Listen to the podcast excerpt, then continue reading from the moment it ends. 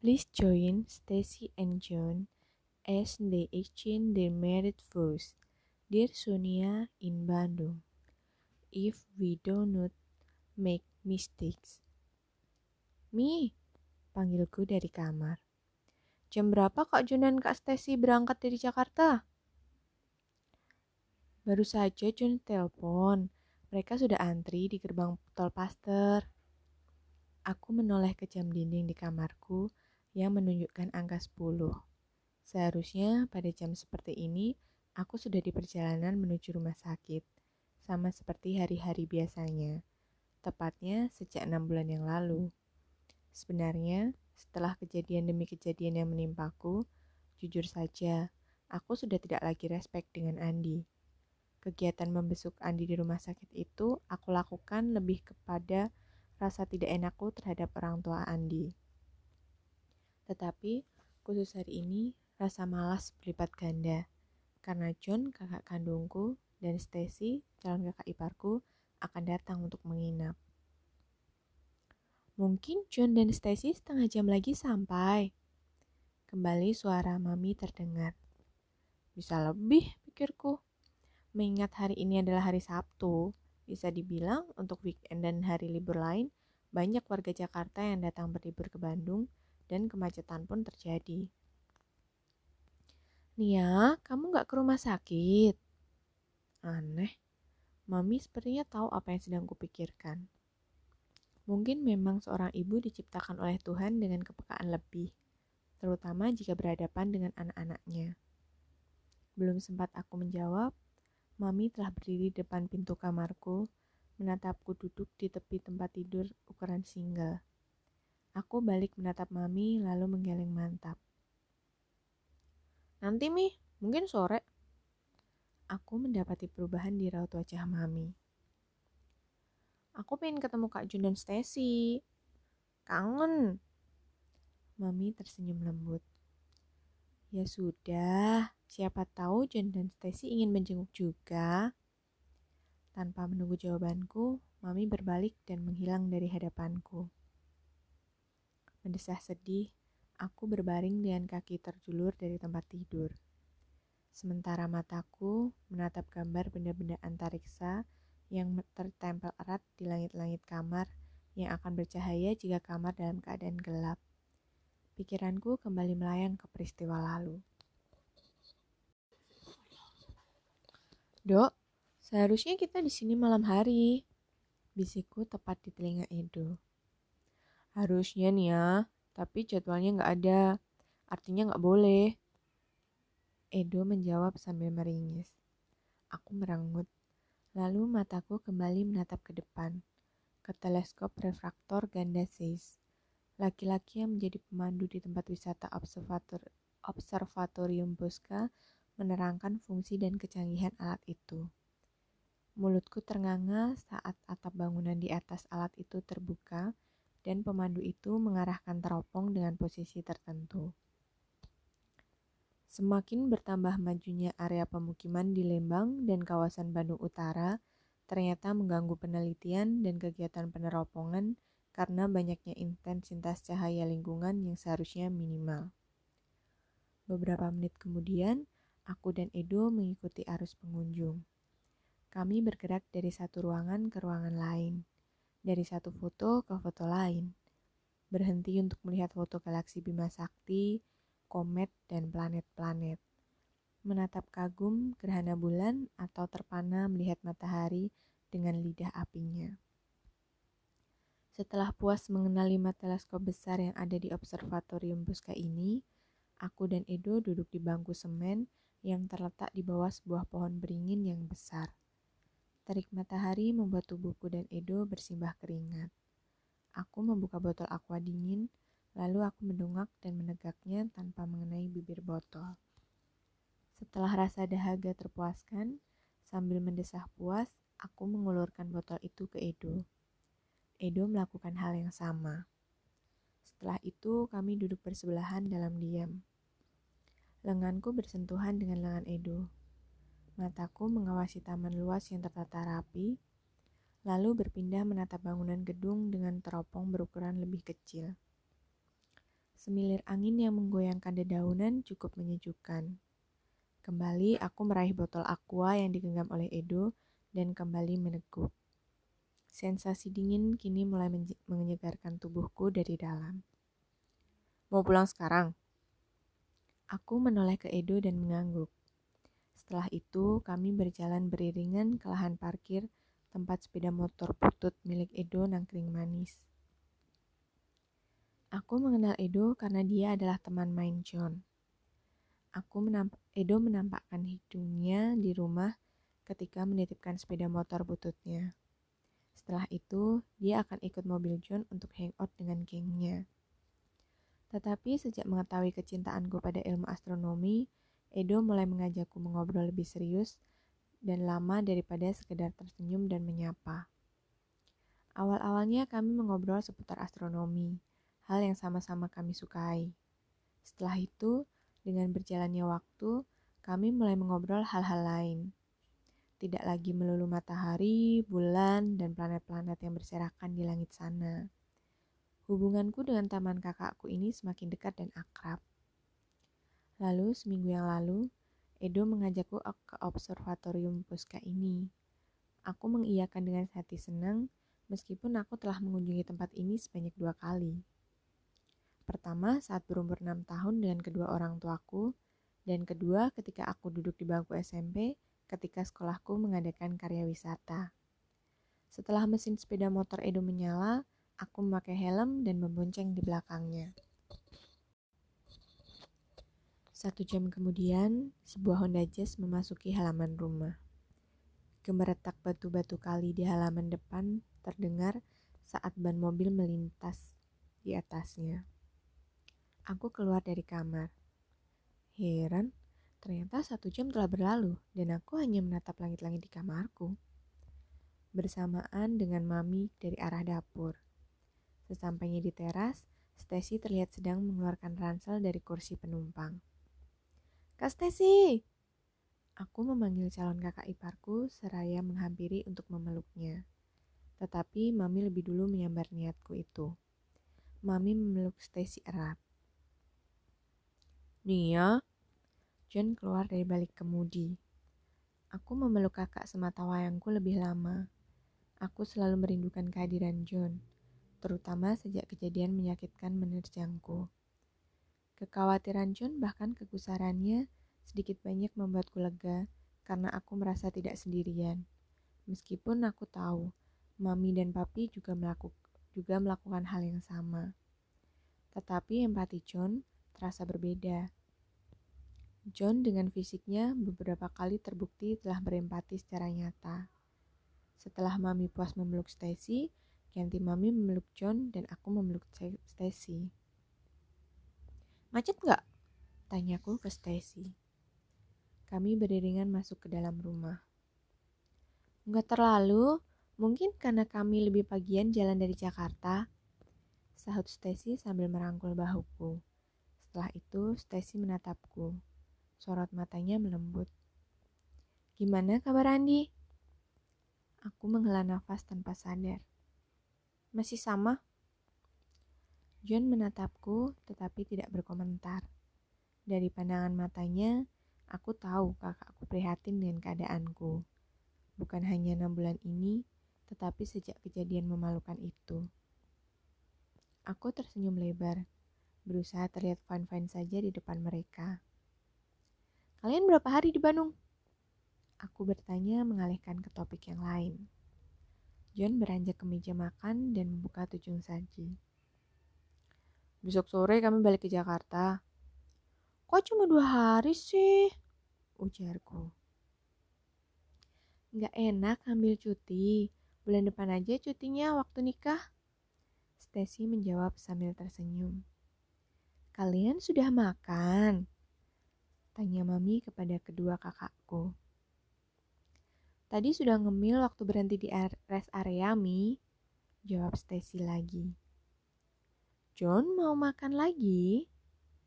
Mami sekarang bertanya kepada John saat melihat John mengambil tahu goreng dan melahapnya dengan rakus. Tapi Mama gak masak banyak, Karena biasanya kamu dan Stacy jarang makan di rumah kalau pulang. Enggak, Mi. Aku justru mau ajak Mami dan Sonia makan di luar. Kembali John menyomot tahu goreng kedua. Sambil mengunyah, John menoleh ke Stacy dan mengedip nakal. Stacy ketagihan makanan Sunda sejak pacaran denganku. Enaknya, sahut Stacy sambil tertawa. Aku sudah suka dari dulu. Stacy menatap ke arah Mami sambil tersenyum lebar. Tapi memang lebih mantap kalau makan langsung di ketanya sih, Mi. Lalu John menggoda. Jadi itu alasanmu menggait orang Bandung. Mata Stacy melebar mendengar ucapan John. Ih, kebalik. Kamu yang menggait aku. John mendekati Stacy lalu merekuh dalam pelukan. Oke oke, aku yang menggaitmu. Tapi karena kaosku keburu kena air liurmu. Stacy memukul dada John dengan wajah bersemu merah. Ih, kok dibahas lagi sih?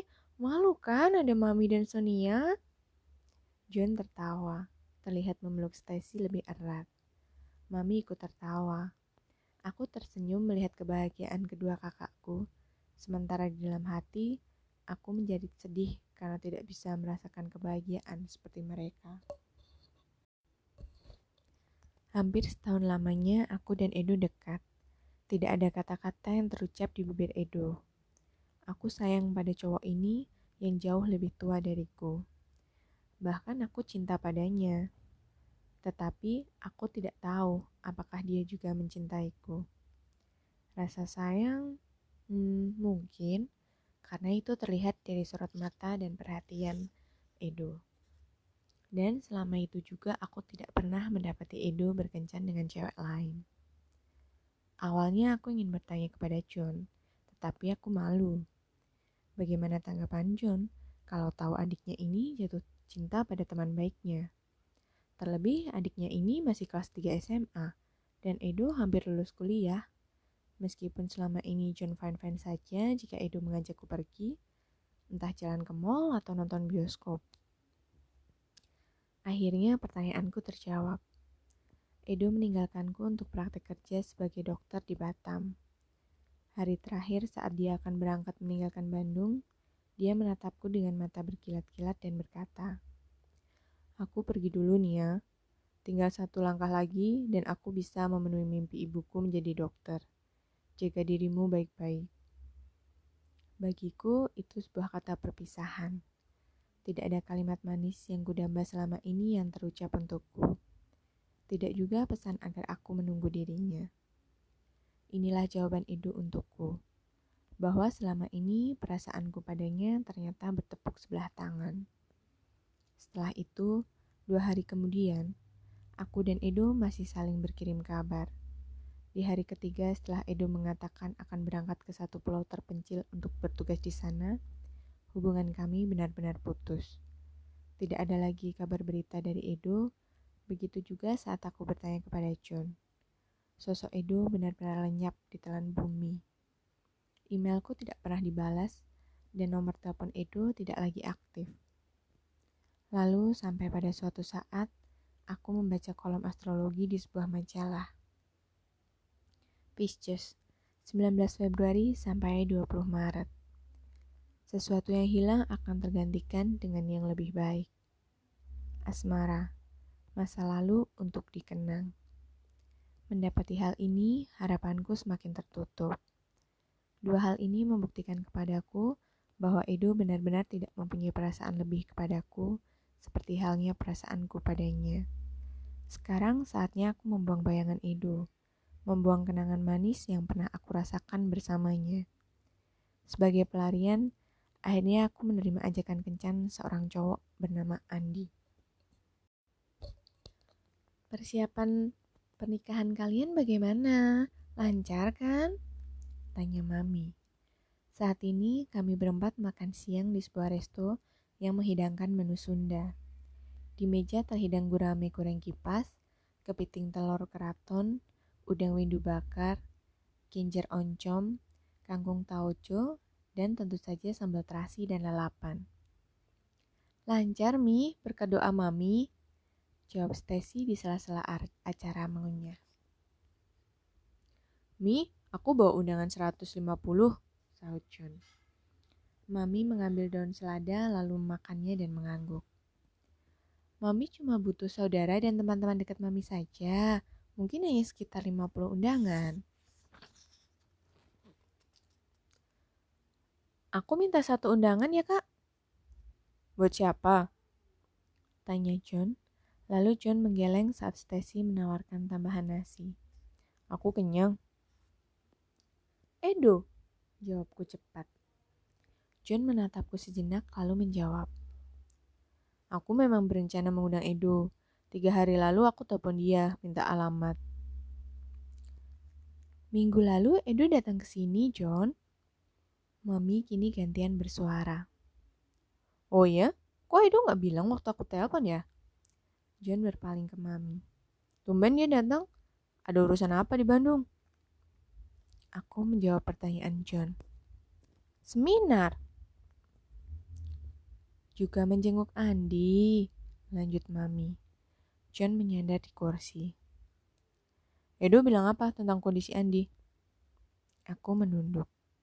Tanganku memainkan nasi dan potongan udang di piring. Sama seperti dulu, waktu dia datang pertama kali, tetap tidak ada perubahan, stagnan. Saat mengatakan hal itu, perasaanku semakin kelam untuk dua hal. Untuk kondisi Andi dan untuk kedatangan Edo. Sejenak meja kami diliputi keheningan. Akhirnya aku mendengar Stacy bertanya kepada Mami. Mami mau nambah? Cukup sih, Mami sudah kenyang. Nia mau nambah udangnya. Aku mendongak dan menggeleng ke arah Stacy. Gadis energik dan cantik di depanku mendesah dramatis. Ya, kalau tidak ada yang mau nambah lagi, aku sikat habis ya. Jangan protes. Aku tersenyum. Begitu juga Mami saat melihat John mencolek pipi Stacy dengan gemas. Untung kita tinggal di Jakarta. Kalau di sini, dalam setahun badanmu udah sebesar gentong. Goda John. Stacy mencibir ke arah John. Aku gak bakalan bisa gemuk. Coba aja buktiin nanti. Iya, tulang Stacy pipih. Makan sebanyak apa juga gak bakalan gemuk. Stacy nyengir lebar ke Mami. Trins me. Kembali Stacy menatap ke John. Tuh, penilaian Mami lebih akurat dari kamu. John kembali mencolek pipi Stacy. Ya, semoga penerawangan Mami benar. Aku gak mau jalan dengan kentong ke mana-mana. Aku tertawa saat melihat Stacy memukul lengan John dengan keras. Tumi, belum juga nikah, John sudah nutut macem-macem. Aduh Stacy. Mendengar itu, Mami dan John tertawa bersamaan. Cepetan kalau nulis. Tanganku semakin gemetar menorehkan tinta di atas sehelai kertas. Setelah itu, aku mengeluarkan kertas ke cowok jangkung di depanku. Jelek banget tulisan lo, lebih bagusan cakar ayam. Gerutu cowok itu. Aku menunduk sambil menahan nafas. Tetapi dalam hati aku cengkel dengan kritikannya. Karena tulisan lo jelek, ada dua hukuman. Hatiku mencelos. Ya ampun, bukannya diomelin seperti ini sudah disebut sebagai hukuman. Sonia kan nama lo? Aku mengangguk pelan. Jangan nunduk kalau diajak bicara, gak sopan tau. Aku menengadah cepat, lalu menatap ke mata cowok itu. Eh, kurang ajar, dan beraninya melotot. Aku terhenyak. Siapa yang melotot? Saya gak melotot kok. Cowok di depanku bersidekap sambil memicingkan mata. Sekarang mau protes. Ya ampun, gerutuku dalam hati. Kenapa sih cowok ini? Coba hitung, berapa kesalahan lo? Aku terdiam. Berapa ya? Ayo jawab. Dua, jawabku cepat sambil meringis.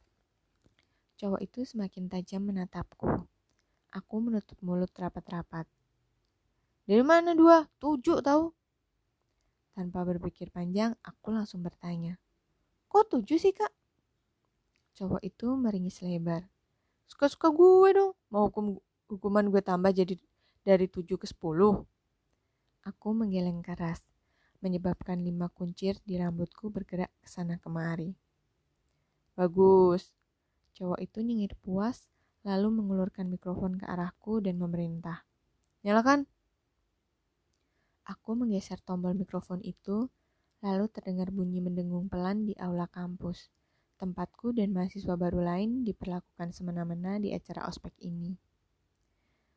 Kamu perhatiin wajah gue baik-baik. Aku menatap wajahnya dengan seksama.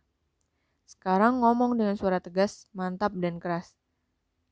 Andi, lo cowok paling ganteng yang pernah gue temui. Gue tergila-gila sama lo. Sore harinya, bunyi langkah kaki silih berganti mengetuk lantai rumah sakit. Aku, Mami, Stacy dan John melangkah menuju kamar VIP tempat Andi dirawat selama enam bulan ini. Selama enam bulan yang melelahkan dan menguras air mata. Air mata sedih sekaligus marah. Sore Bu Sonia, sapa suster, suster Tony ramah. Sore suster, aku membalas dengan ramah. Setiap hari selama enam bulan, aku selalu keluar masuk rumah sakit. Jadi tidak heran jika aku mengenal dekat beberapa suster yang menjaga lantai lima di rumah sakit ini. Bagaimana kabar Pak Andi? Tanyaku lagi. Aku merasakan bahuku dipeluk oleh John. Masih sama, Bu. Kondisinya stabil dan tidak ada tanda-tanda membahayakan. Stabil adalah istilah halus dari kata stagnan, yang artinya tidak ada peningkatan menuju arah yang lebih baik. Aku menganggukkan kepala. Keluarga Pak Andi hari ini datang? Tanyaku ingin tahu. Tadi pagi ibu Pak Andi datang, tapi hanya sebentar. Sebulan pertama sejak Andi dirawat, aku dan keluarga Andi bergantian menjaga. Tetapi setelah melewati bulan kedua dan dokter mengatakan tidak akan ada perubahan yang berarti, akhirnya kami tidak lagi menginap di rumah sakit ini, tetapi tetap menjenguknya setiap hari. Oh, oke okay, sus. Saya dan keluarga saya masuk ya. Silahkan Bu Sonia. Seperti biasa ya Bu, dua orang bergantian. Aku mengangguk lagi, lalu berjalan kembali bersama keluargaku menuju kamar 515. Ditemani John, aku masuk lebih dulu ke dalam kamar dengan dinding berlapis wallpaper berwarna pastel. Korden jendela yang menghadap ke taman tertutup, dan penerangan kamar telah dinyalakan. Andi, suamiku, terbaring di ranjang yang diletakkan di tengah ruangan. Di sebelah kiri randang Ranjang berdiri mesin yang membuat Andi tetap bertahan hidup. Suara mendesis dan bunyi pompa yang naik turun tidak lagi membuatku merinding. Selang infus dan kabel terhubung di hampir seluruh tubuh. Mata Andi yang tertutup layaknya dia tidur. Dadanya naik turun secara teratur dan tubuh yang tidak lagi merespon apa pun. Tidak juga membuatku mual seperti dulu. Andi yang dulu selalu bergerak lincah, ceria, bahkan ugal-ugalan, kini terbaring tenang dan manis selama enam bulan ini sejak kecelakaan tragis merenggut kesadarannya. Kecelakaan beruntun di Lembang enam bulan lalu masih membekas jelas di benakku, bahkan menorehkan luka di hatiku. Si RV Silver yang ditumpanginya menabrak bus pariwisata. Karena tidak mengenakan sabuk pengaman, Tubuh Andi terdorong ke depan membentur kaca mobil, lalu saat daya benturan membuat tubuhnya tersentak ke belakang. Besi dari bodi CRV miliknya ringsek karena tergencet mobil di belakangnya, melukai kepala Andi, menyebabkan kerusakan di batang otaknya. Andi memang beruntung melewati masa kritis, tetapi sejak kecelakaan itu, dia tidak pernah sadar. Dokter syaraf yang merawat Andi mengatakan bahwa hidup Andi tidak akan seperti dulu lagi. Andi tidak akan pernah sadar lagi dan hidupnya harus ditopang dengan mesin. Fonis dokter itu bagaikan kilat yang menyabarku dan keluarga Andi. Aku memang membenci suamiku, tetapi aku tidak ingin Andi mengalami hidup seperti ini. Di samping ranjang, aku menggenggam tangan kurus itu. Aku diam dan hanya menatap wajah yang masih memetakan ketampanan. Wajah yang membuat beberapa gadis rela merendahkan diri hanya untuk bisa berkencan dengannya. Baik saat Andi melajeng, bahkan setelah berstatus sebagai suamiku. Aku berjenggit saat bahuku dipeluk oleh John. Setelah melepaskan tangan Andi, aku berbalik dan memeluk John, berusaha mencari kekuatan dari dirinya. Beberapa menit, kami hanya berdiri diam di samping ranjang Andi. Setelah itu, aku dan John keluar, memberi kesempatan kepada Mami dan Stacy untuk gantian masuk menjenguk.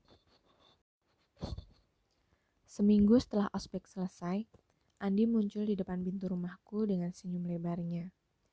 Wajah yang setiap hari selama ospek garang kini terlihat tampan, bahkan sangat tampan. Ketika dengan pedenya dia mengajakku nonton, pada hari pertama dia datang ke rumah, aku mendapati kepalaku mengangguk dan wajahku merona. Kemudian, saat aku duduk di sebelahnya di dalam bioskop, aku mendapati diriku bertanya-tanya, ilmu apa yang dipakai Andi sehingga membuatku tidak berkutik di depannya. Seminggu setelah itu, aku resmi menjadi pacarnya. Tetapi ketika John tahu aku berkencan dengan Andi, saat pulang dari Jakarta, kakakku dengan tegas melarang. Nia, aku memang gak kenal Andi, tapi reputasinya sering aku dengar di kampus. Bayangin, dia angkatan bawahku, tapi dengungnya santer sampai ke telingaku. Dia itu cowok brengsek. Andi kaya dan ganteng, kak. Wajar kalau banyak cewek suka. Aku membela diri, bahkan membela Andi. Dia tuh playboy. Aku ragu dia cinta sama kamu, Andi. Nia, kamu cantik, jadi dia hanya terobsesi menjadikanmu deretan pacarnya. Aku berengut, tetapi di dalam hati aku senang jika Andi mengejarku karena aku cantik. Setidaknya aku mendapat nilai lebih dari cewek lain. Dan jujur saja, aku sendiri juga tidak cinta dengan Andi. Tapi aku bangga jika menjadi teman kencan Andi dan mendapat lirikan cemburu dari cewek-cewek lain. Aku bisa terima kalau kamu pacaran dengan Edo, dia jelas beda dengan Andi. Aku terhenyak saat nama Edo disebut oleh John.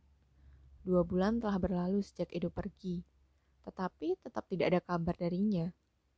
Meskipun hatiku masih tertambat kepada Edo, tetapi aku hanya menemui bayangan. Sedangkan sosok Andi selalu memenuhi hari-hariku, berikut dengan barang-barang yang diberikan sebagai kejutan. Jadi wajar jika aku menerima apa yang ada di depanku daripada merekuh bayangan yang tidak jelas. Edo gak pernah menghubungiku, kakak juga enggak kan? Aku memenuhi John, berusaha menyembunyikan sorot luka di mataku. Lagian dari dulu aku dan dia gak pernah pacaran, Edo gak pernah nembak aku. Setelah itu aku bergegas keluar dari kamar John dengan pedih dan gusar. Sempat aku mendengar helaan nafas John di belakangku. Meskipun John mengatakan Andi playboy, selama aku pacaran dengannya, Andi tidak pernah menyakiti hatiku. Di depan mami dan papi juga John, Andi sangat sopan dan ramah. Karena kecurigaan John tidak terbukti, lama-kelamaan hatiku mulai terpaut kepada Andi. Hubunganku dengan Andi semakin hari semakin dekat dan mesra. Andi sering membawaku ke tempat-tempat romantis, indah, dan tentu saja sepi, Lalu kami akan berpelukan erat dan berciuman. Hampir setiap hari kami bertemu. Andi akan menungguku di kampus. Setelah itu dia tidak mengantarku pulang, tetapi membawaku ke tempat lain. Entah ke Lembang, Kawah Putih yang terletak di Gunung Patuha, Curug Dago, Taman Ganesa, Bumi Perkemahan, Gunung Tangkuban Perahu, atau tempat eksotik lainnya, atau hanya sekedar berjalan-jalan di mall. Dan bukan Andi namanya kalau dia tidak bisa menaklukkan hatiku dan ketakutanku. Bahkan membuatku melambung ke langit ketujuh. Semakin sering kami bertemu, keintiman kami semakin meningkat. Ciuman bibir Andi terlalu manis untuk dilewatkan. Tangan yang hangat di tengkukku, di leherku, bahkan di dadaku, sering membuatku senang dan ketagihan. Setiap malam, Aku selalu memimpikan sentuhannya, lumatan bibirnya, dan hasrat yang terpancar dari sorot matanya. Pada suatu hari Sabtu, Andi mengajakku ke sebuah penginapan di Lembang. Dengan dalih mengajakku melihat kamar yang akan dipesan oleh keluarganya, aku menemani masuk ke sebuah kamar. Kamar di lantai dua yang menghadap ke lembah membuatku terpesona. Aku berdiri di teras, menatap pemandangan di bawahku. Lalu aku mendapati Andi merengkuhku dari belakang, mencium leherku, menggigit daun telingaku, membuatku menggelinjang dan berbalik ke arahnya. Hawa panas seketika menjalar ke seluruh tubuhku, meskipun udara lembang di sore hari itu terasa dingin. Bibir kami saling melumat. Aku mendesah saat tangan Andi bereaksi di balik bajuku. Aku menutup mata, merasakan tubuhku digendong dan diletakkan di tempat tidur yang empuk. Hangatnya tubuh Andi melingkupiku dan perlahan tapi pasti membuat tubuhku meledak. Satu jam kemudian, aku menangis terseduh mendapati bercak darah di alas tempat tidur. Aku memeluk Stacy, lalu berpindah ke pelukan John. Mereka masuk ke Honda Jazz. Saat John menghidupkan mesin dan membuka jendela mobil, Mami mendekat dan memberi wejangan yang membuatku memutar bola mata. Dua minggu nanti sebelum nikah, kalian jangan pulang ke sini atau pergi keluar kota. Diam-diam di Jakarta saja. Takut kenapa-kenapa kalau di jalan. Aku memeletkan lidah ke arah John dan Stacy. Tentu saja tanpa sepengetahuan Mami. John nyengir menatapku. Sementara Stacy menahan senyum lalu menjawab. Iya, Mi, kecuali kalau terpaksa ya. Hus, Mami langsung menyela. Tetap nggak boleh. Mami dan Papi saja yang urus kalau ada yang kurang. Ingat pesan Mami ya. Oke, Mi. Sekarang John yang menjawab. Stacy, brownies kukus dan empal gempuknya nggak ketinggalan kan? Tanya Mami lagi. Beres mi, sudah aman di dalam kardus. Jawab Stacy sambil nyengir. John balik bertanya. Besok papi jadi pulang dari Singapura. Mami mengangguk. Iya, penerbangan pagi. Titip undangan buat papi ya, Mi? Ujar John lagi. Setelah Mami mengiyakan, John dan Stacy kembali berpamitan dan Honda Jazz itu mulai bergerak. Sebelum keluar menuju jalan raya, aku mendengar Stacy berseru. Ketemu sebulan lagi di pesta pernikahan ya. Aku dan Mami melambaikan tangan. Sementara Mami mendesa bahagia, aku menghela napas sedih. Pernikahan. Melihat John dan Stacy bahagia menyambut pernikahan mereka, tidak begitu halnya denganku dan Andi. Dua minggu setelah kejadian di penginapan itu, aku mendapati dua garis di tes pack. Setelah mengunci pintu kamar, dengan tangan gemetar karena panik dan takut, aku menelpon Andi.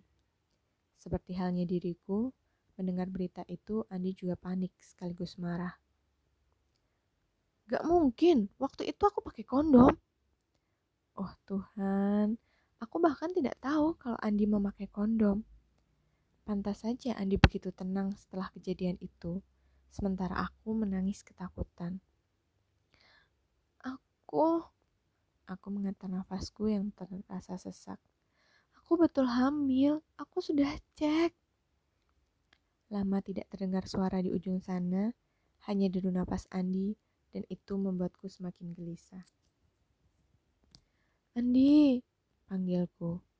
Selain denganku, kamu melakukan dengan siapa?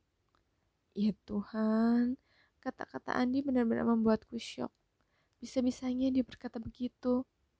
Lalu aku menjawab dengan suara tertahan karena marah. Hanya denganmu.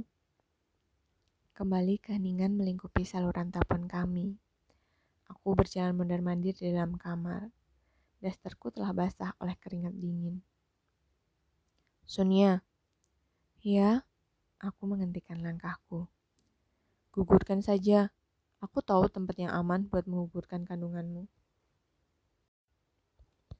Keesokan harinya, pada jam seperti biasa, aku datang ke rumah sakit untuk mengunjungi Andi. Sama seperti hari-hari sebelumnya, Aku menarik kursi, duduk dekat ranjang Andi dan menatap wajahnya dalam diam.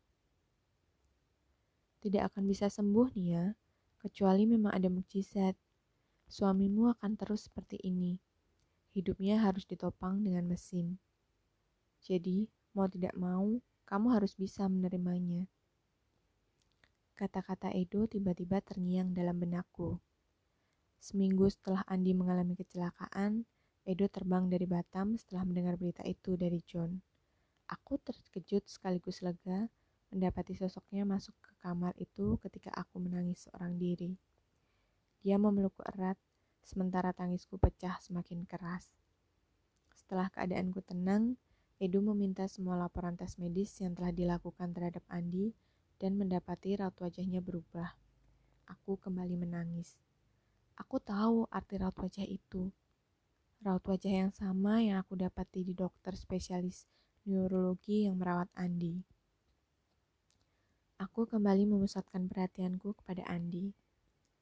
Tiba-tiba bayangan masa lalu menyerbuku saat aku pertama kali bertemu dengannya. Masa-masa ospek penuh penderitaan, tapi juga berbalut kenangan manis. Masa-masa indah saat aku dan Andi berpacaran Lalu aku berdiri dan menggenggam tangannya. Andi, berusaha bangun. Semua dokter mengatakan mustahil kamu sembuh. Tapi kalau kamu mau, kamu pasti bisa. Kembali aku mengamati wajahnya. Wajah tampan itu tetap tenang, bahkan terlalu tenang. Aku mendesah. Aku tahu, tidak sepenuhnya semua kejadian ini salah Andi.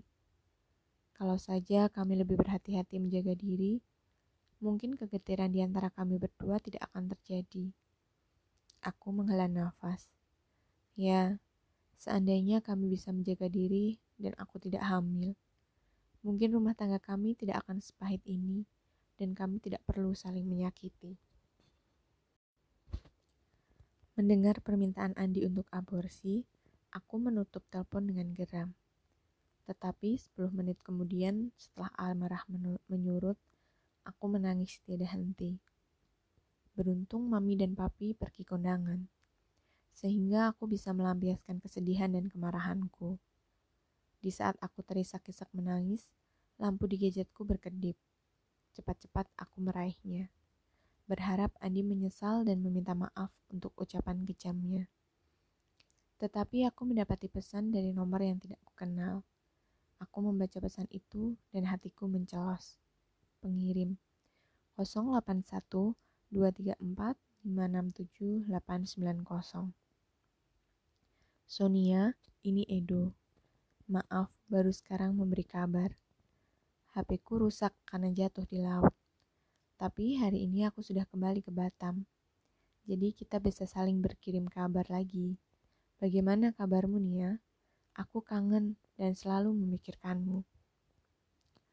Selesai membaca pesan dari Edo, aku menutup wajah dengan bantal dan menangis jadi-jadinya. Oh Edo, kenapa kamu baru menghubungiku di saat semua telah terlambat? Setelah tidak bisa lagi menangis karena air mataku telah mengering, aku menatap langit-langit kamar, merenungi nasibku. Aku tidak membalas pesan Edo tidak juga menjawab saat John menelponku. Aku hanya diam, berpikir dan berpikir. Saat mendengar suara mesin mobil memasuki halaman rumah, aku telah memantapkan hati untuk tetap bertanggung jawab terhadap bayi yang aku kandung. Tetapi aku tidak sudi mengemis ke Andi untuk menikahiku. Namun ternyata orang tuaku tidak setuju dengan keputusanku. Begitu juga John. Orang tuaku berjanji akan membicarakan hal ini baik-baik dengan orang tua Andi. Tetapi tidak demikian halnya dengan John. Keesokan harinya, John bertolak dari Jakarta dan Andi mendapat pelajaran. Hadiah yang didapat dari John adalah bibir pecah dan mata biru lebam. Sebulan kemudian, di usiaku yang ke-18 tahun dan Andi 20 tahun, pernikahan kami terpaksa digelar. Kami bersanding di pelaminan dengan perasaan marah dan getir. Sebenarnya kami berdua tidak ingin menikah, tetapi keadaan yang memaksa kedua orang tua kami melangsungkan pernikahan. Malam pertama kami lewati dengan tidur saling memunggungi. Setelah itu, aku pindah ke rumah orang tua Andi. Andi tetap melanjutkan kuliahnya, sedangkan aku berhenti kuliah dan membantu usaha mama mertuaku mengelola toko makanan khas Bandung di Jalan Dago. Meskipun orang tua Andi sangat baik kepadaku, tetapi aku tetap tidak tahan hidup bersama Andi. Tidak ada lagi perasaan cinta dan menggebu-gebu seperti saat kami berpacaran kehidupan rumah tangga kami benar-benar benar-benar layaknya neraka. Dua bulan setelah pernikahan kami, aku keguguran karena kandunganku lemah. Saat aku bersedih, justru aku mendapati sorot senang di mata Andi. Saat itu aku menyadari bahwa pernikahanku tidak akan lagi bisa membaik. Tidak sampai empat bulan kami menikah, aku mendengar kabar Andi mempunyai simpanan. Meskipun hatiku sakit, aku tidak memedulikannya. Dengan berat hati, mama mertuaku merelakan aku kembali ke rumah orang tuaku. Memang statusku masih sebagai istri Andi, tetapi aku tidak sudi lagi satu rumah, apalagi satu kamar dengannya. Rumah tanggaku dengan Andi benar-benar membuat orang tua kami khawatir. Begitu juga John. Tetapi aku tidak peduli. Oke, aku tidak akan bercerai, karena orang tua kami tidak memperbolehkan. Tetapi aku tidak sudi untuk bersatu kembali. Sampai pada suatu hari, jam 9 pagi, aku mendapat telepon dari papa mertuaku dan mengatakan Andi mengalami kecelakaan. Diduga Andi pulang dari Lembang menuju Bandung. Saat terjadi kejadian, terjadi kecelakaan, Andi semobil dengan seorang gadis yang aku ketahui kemudian adalah teman kuliahnya. Gadis itu lebih beruntung, tidak mengalami kondisi seperti yang dialami Andi. Andi, Andi, kalau kamu mendengar kata-kataku, tolong gerakan tanganmu sedikit saja agar aku tahu. Aku menunggu dalam diam, tetapi tidak juga mendapat reaksi seperti yang aku harapkan. Aku memejamkan mata Entah mengapa hari ini hatiku tidak lagi marah, tetapi hanya menyisakan kesedihan. Apakah karena melihat Andi, suamiku, di umurnya yang belum genap 22 tahun ini, terpenjara dalam tubuhnya sendiri. Bagaimanapun juga, aku pernah mengasihi laki-laki di depanku ini.